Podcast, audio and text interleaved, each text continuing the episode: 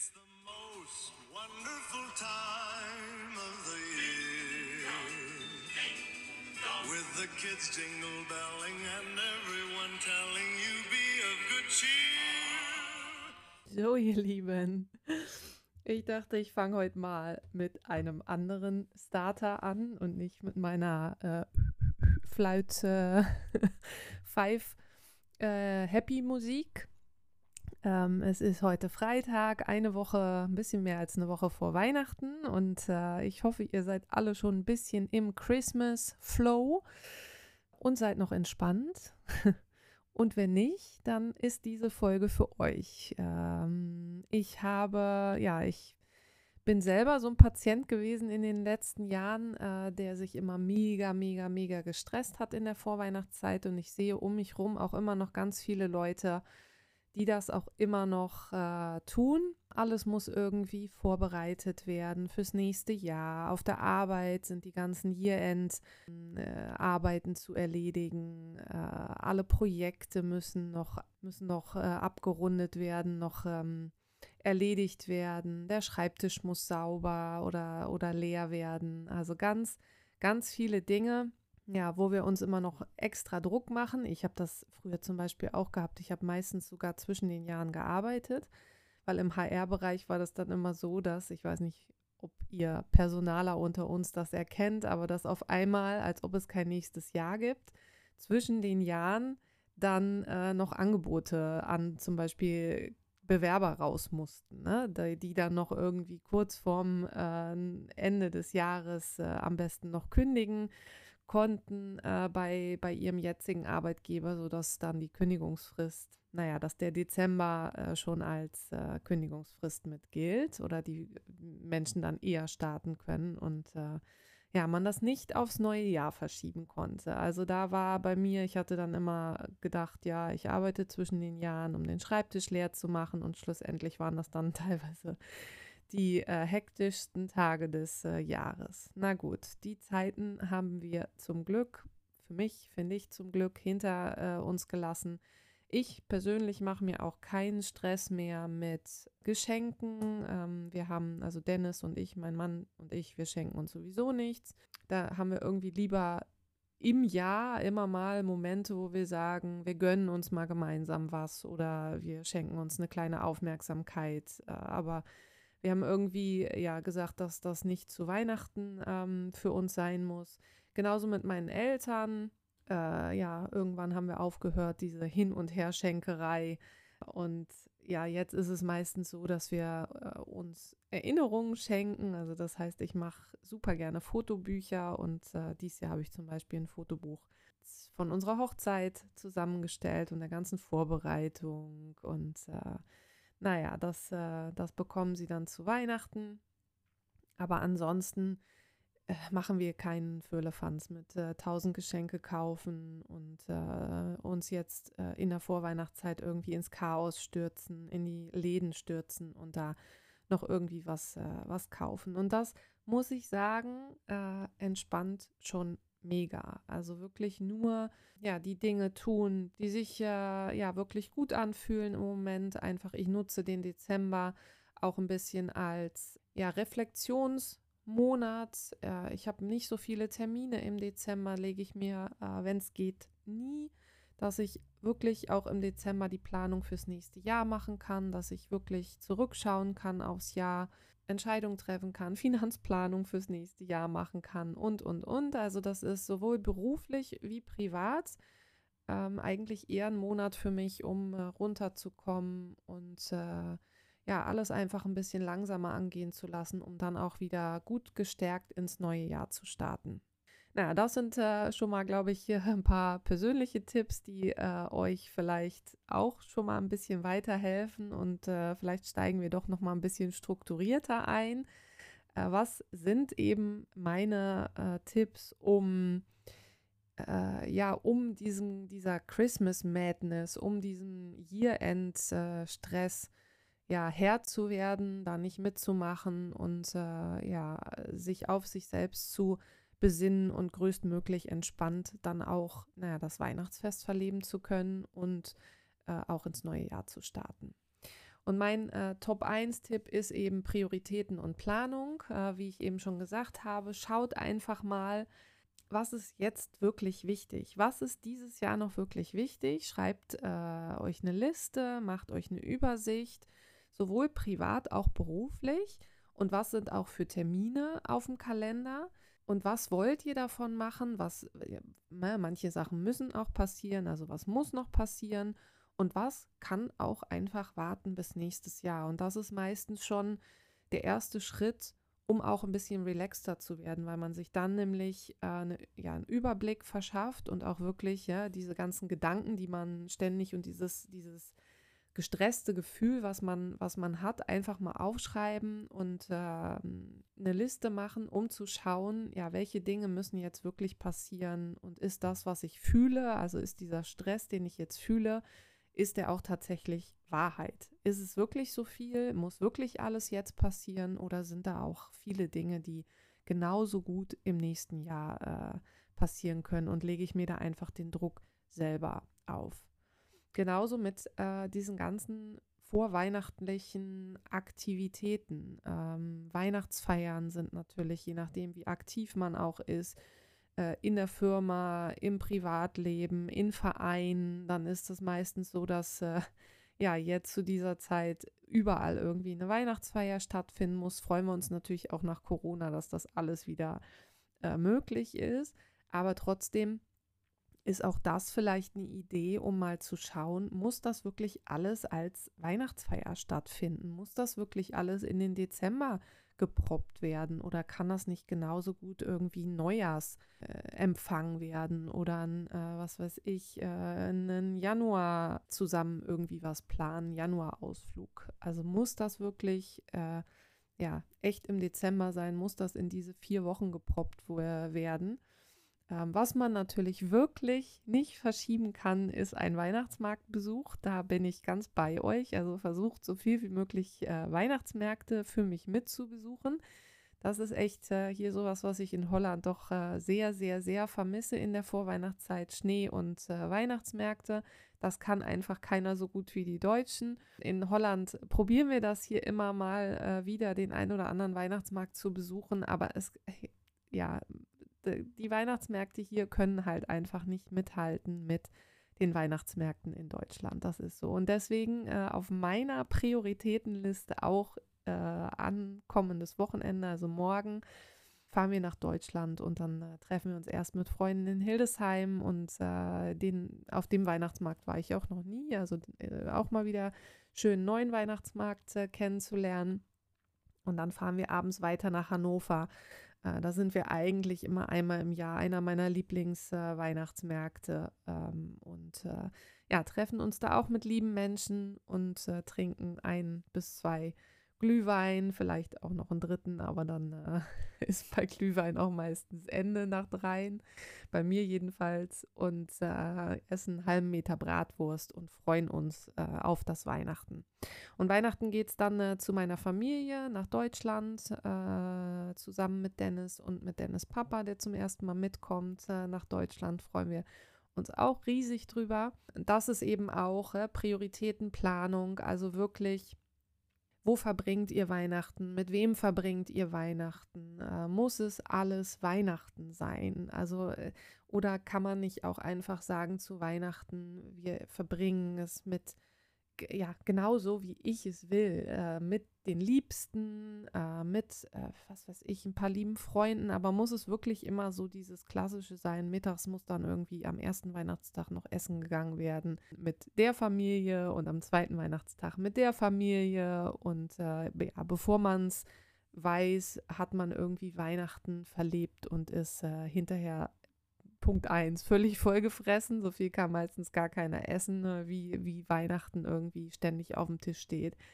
Und man ist völlig gestresst und übersocialized äh, von diesen ganzen Treffen mit Menschen, die man ähm, ja dann in so einem kurzen Zeitraum eben spricht und trifft und dieses Gefühl vom Müssen. Also äh, ja, wie gesagt, ich habe mich davon verabschiedet. Äh, wir äh, treffen da bewusste Entscheidungen mittlerweile. Wir proppen uns die Agenda nicht zu voll. Wir werden Weihnachten eben, äh, naja, wie gesagt, bei meinen Eltern verbringen. Dann essen wir abends ähm, äh, lecker was zusammen am Heiligen Abend. Naja, dann keine Geschenke, deswegen wir werden wahrscheinlich irgendwie ein paar Gesellschaftsspiele spielen. Auch immer eine schöne Herausforderung natürlich jetzt mit den Sprachen. Dennis Papa, der dann Niederländisch spricht, meine Eltern sprechen Deutsch, beide nicht so richtig gut im Englischen. Das heißt, da wird auch wieder viel Übersetzungsarbeit gefragt sein. Aber gut, äh, das wird wieder eine lustige Runde und äh, auch immer wieder schön zu sehen, wie wenig Sprache man eigentlich braucht, wenn man sich äh, gut verstehen möchte. Naja, und am ersten Weihnachtstag ist dann ein äh, schönes äh, Glühweintreffen geplant bei lieben Freunden. Und äh, ja, einfach mit ein paar Leuten schön zusammen sein. Ähm, wir haben ansonsten weiter nichts geplant, irgendwo essen zu gehen oder so. Ich finde die Restaurants sowieso dann immer so überfüllt zu Weihnachten. Und am zweiten Weihnachtstag haben wir eigentlich ein bisschen, äh, ja, eine Harz-Tour geplant. Da werden wir wahrscheinlich nicht die einzigen sein. Aber gut, da reihen wir uns dann in alle Harz-Touristen ein. Aber wir müssen Dennis Papa schon mal ein bisschen den äh, Harz zeigen. Und dann geht es für uns am äh, dritten Weihnachtstag, also am Tag nach dem zweiten Weihnachtstag, geht es dann wieder zurück in die Niederlande und dann feiern wir Silvester hier. Wir haben, äh, ja, ich habe ab ähm, ja, nächsten Freitag bin ich dann frei und will eigentlich auch zwei Wochen, ich habe zumindest zwei Wochen keine Termine im Kalender, also die Woche zwischen Weihnachten und Neujahr bin ich sowieso komplett frei und danach die Woche schaue ich dann mal, ähm, worauf ich Lust habe. Und ab 2. Januarwoche geht es dann äh, wieder Vollgas los. Aber so, wie gesagt, äh, fühlt sich das eben alles ähm, ganz gut relaxed an. Schaut da mal äh, durch eure Prioritäten und durch, durch eure Planung, was äh, wollt ihr wirklich und was kann man vielleicht auch äh, verschieben auf Januar. Das ein sehr ausgebreiteter Tipp 1. Der zweite ist äh, äh, Selbstfürsorge und Entspannung. Für mich natürlich immer ein äh, ja, Thema, was öfter zurückkommt.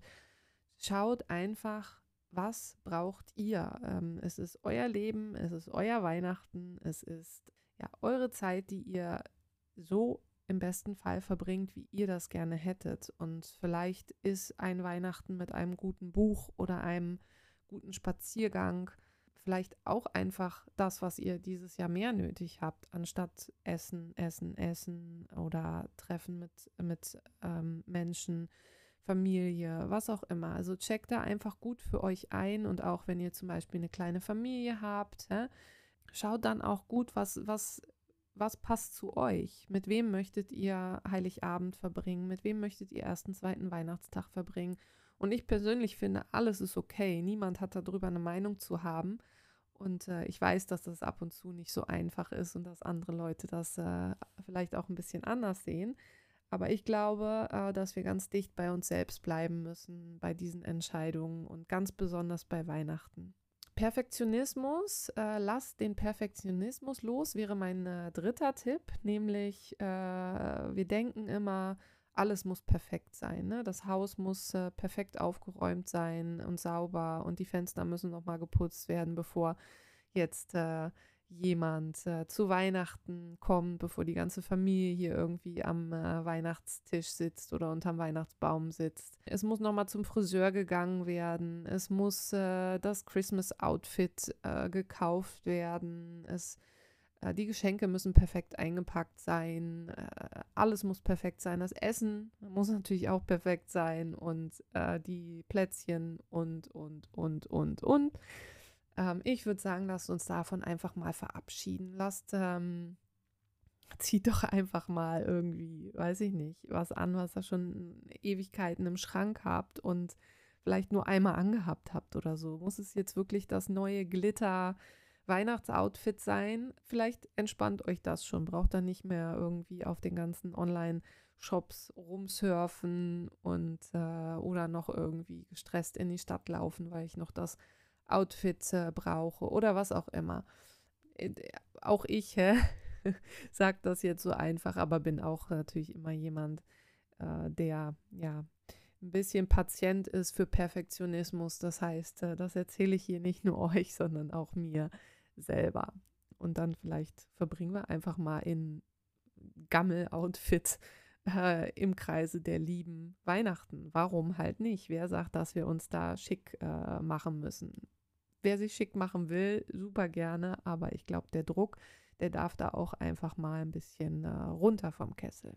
Na, dann mein vierter Tipp, äh, Verbindung mit den Liebsten. Ich habe eben schon gesagt, schaut da aber auch einfach was, ja, was, was zu euch passt, worauf ihr Lust habt. Es ist das Fest der Liebe und äh, ja, ich freue mich super mega um äh, äh, auch nach ein paar Jahren, wo wir natürlich auch einfach Weihnachten nicht nach Deutschland reisen konnten, ähm, freue ich mich mega, dass ich äh, zum Beispiel haben wir am 24. Dezember in der Heimatstadt, wo ich äh, herkomme, in Osterode, immer Homecoming auf dem Markt. Da werde ich dieses Jahr äh, mal wieder bei sein. Ich hoffe auf äh, ganz viele alte äh, Bekannte, ganz viele Gesichter, äh, bekannte Gesichter mal wieder zu sehen. Das ist immer super, super schön. Ähm, und wie gesagt, dann verbringen wir das Weihnachten mit meiner Familie und mit, ja, mit lieben Freunden. Aber ansonsten packen wir uns eben die Agenda nicht zu voll. Und äh, das ist, ja, habe ich früher auch echt anders gemacht. Da bin ich dann äh, zu Weihnachten nach Deutschland gefahren und dann hatte ich für mich selber irgendwie den Anspruch, dass ich jeden sehen musste, dass ich jeden sprechen musste, jedem gerecht werden musste. Und äh, ja, dann artet es halt ganz einfach in Stress aus. Und seitdem ich bewusst schaue, ja, mit wem treffe ich mich wann und äh, auch weniger ist mehr. Äh, und ich kann mich halt nicht zerreißen, dann ist das äh, mittlerweile auch äh, völlig, völlig prima. Und wie gesagt, es braucht ja auch nicht immer alles zu Weihnachten stattzufinden. Man kann genauso, das Jahr hat irgendwie 365 Tage, warum versuchen wir alles in Weihnachten zu proppen? Ja, also mit ganz vielen lieben Freunden kann ich mich auch den Rest des Jahres treffen und das muss nicht zu Weihnachten sein. Und dann habe ich noch äh, einen weiteren Tipp, aber da werde ich, glaube ich, noch mal einen extra Podcast zu aufnehmen. Das, da geht es nämlich um das Jahr abschließen, Dankbarkeit, Reflexion und dann auch Ziele fürs neue Jahr zu vereinbaren. Also zum heutigen Thema passt vielleicht noch das Thema Dankbarkeit, dass man einfach den Monat Dezember, die, das Weihnachtsfest, äh, Silvester auch ein bisschen dazu benutzt, um einfach dankbar zu sein. Ne? Wir sind dann immer so geneigt, dass wir schon wieder höher, schneller, weiter ins nächste Jahr schauen oder auch oft schauen, was haben wir alles nicht und was haben wir dieses Jahr nicht geschafft. Aber lasst uns doch auch einfach mal schauen, was haben wir eigentlich alles erreicht dieses Jahr. Und ich will, ich werde nächste Woche, glaube ich, mal eine Folge aufnehmen zum äh, meinem persönlichen Jahresrückblick. Und dann danach die Woche wollte ich eigentlich äh, mal eine Folge machen zum Reflexionen und Ziele äh, oder erstmal Reflexion zum, zum ja, ab, ab, zum vergangenen Jahr und äh, dann Ziele festlegen fürs neue Jahr. Und äh, ja, da werde ich, ja, da werde ich, ich schreibe mal gleich mit, die Idee kam mir gerade.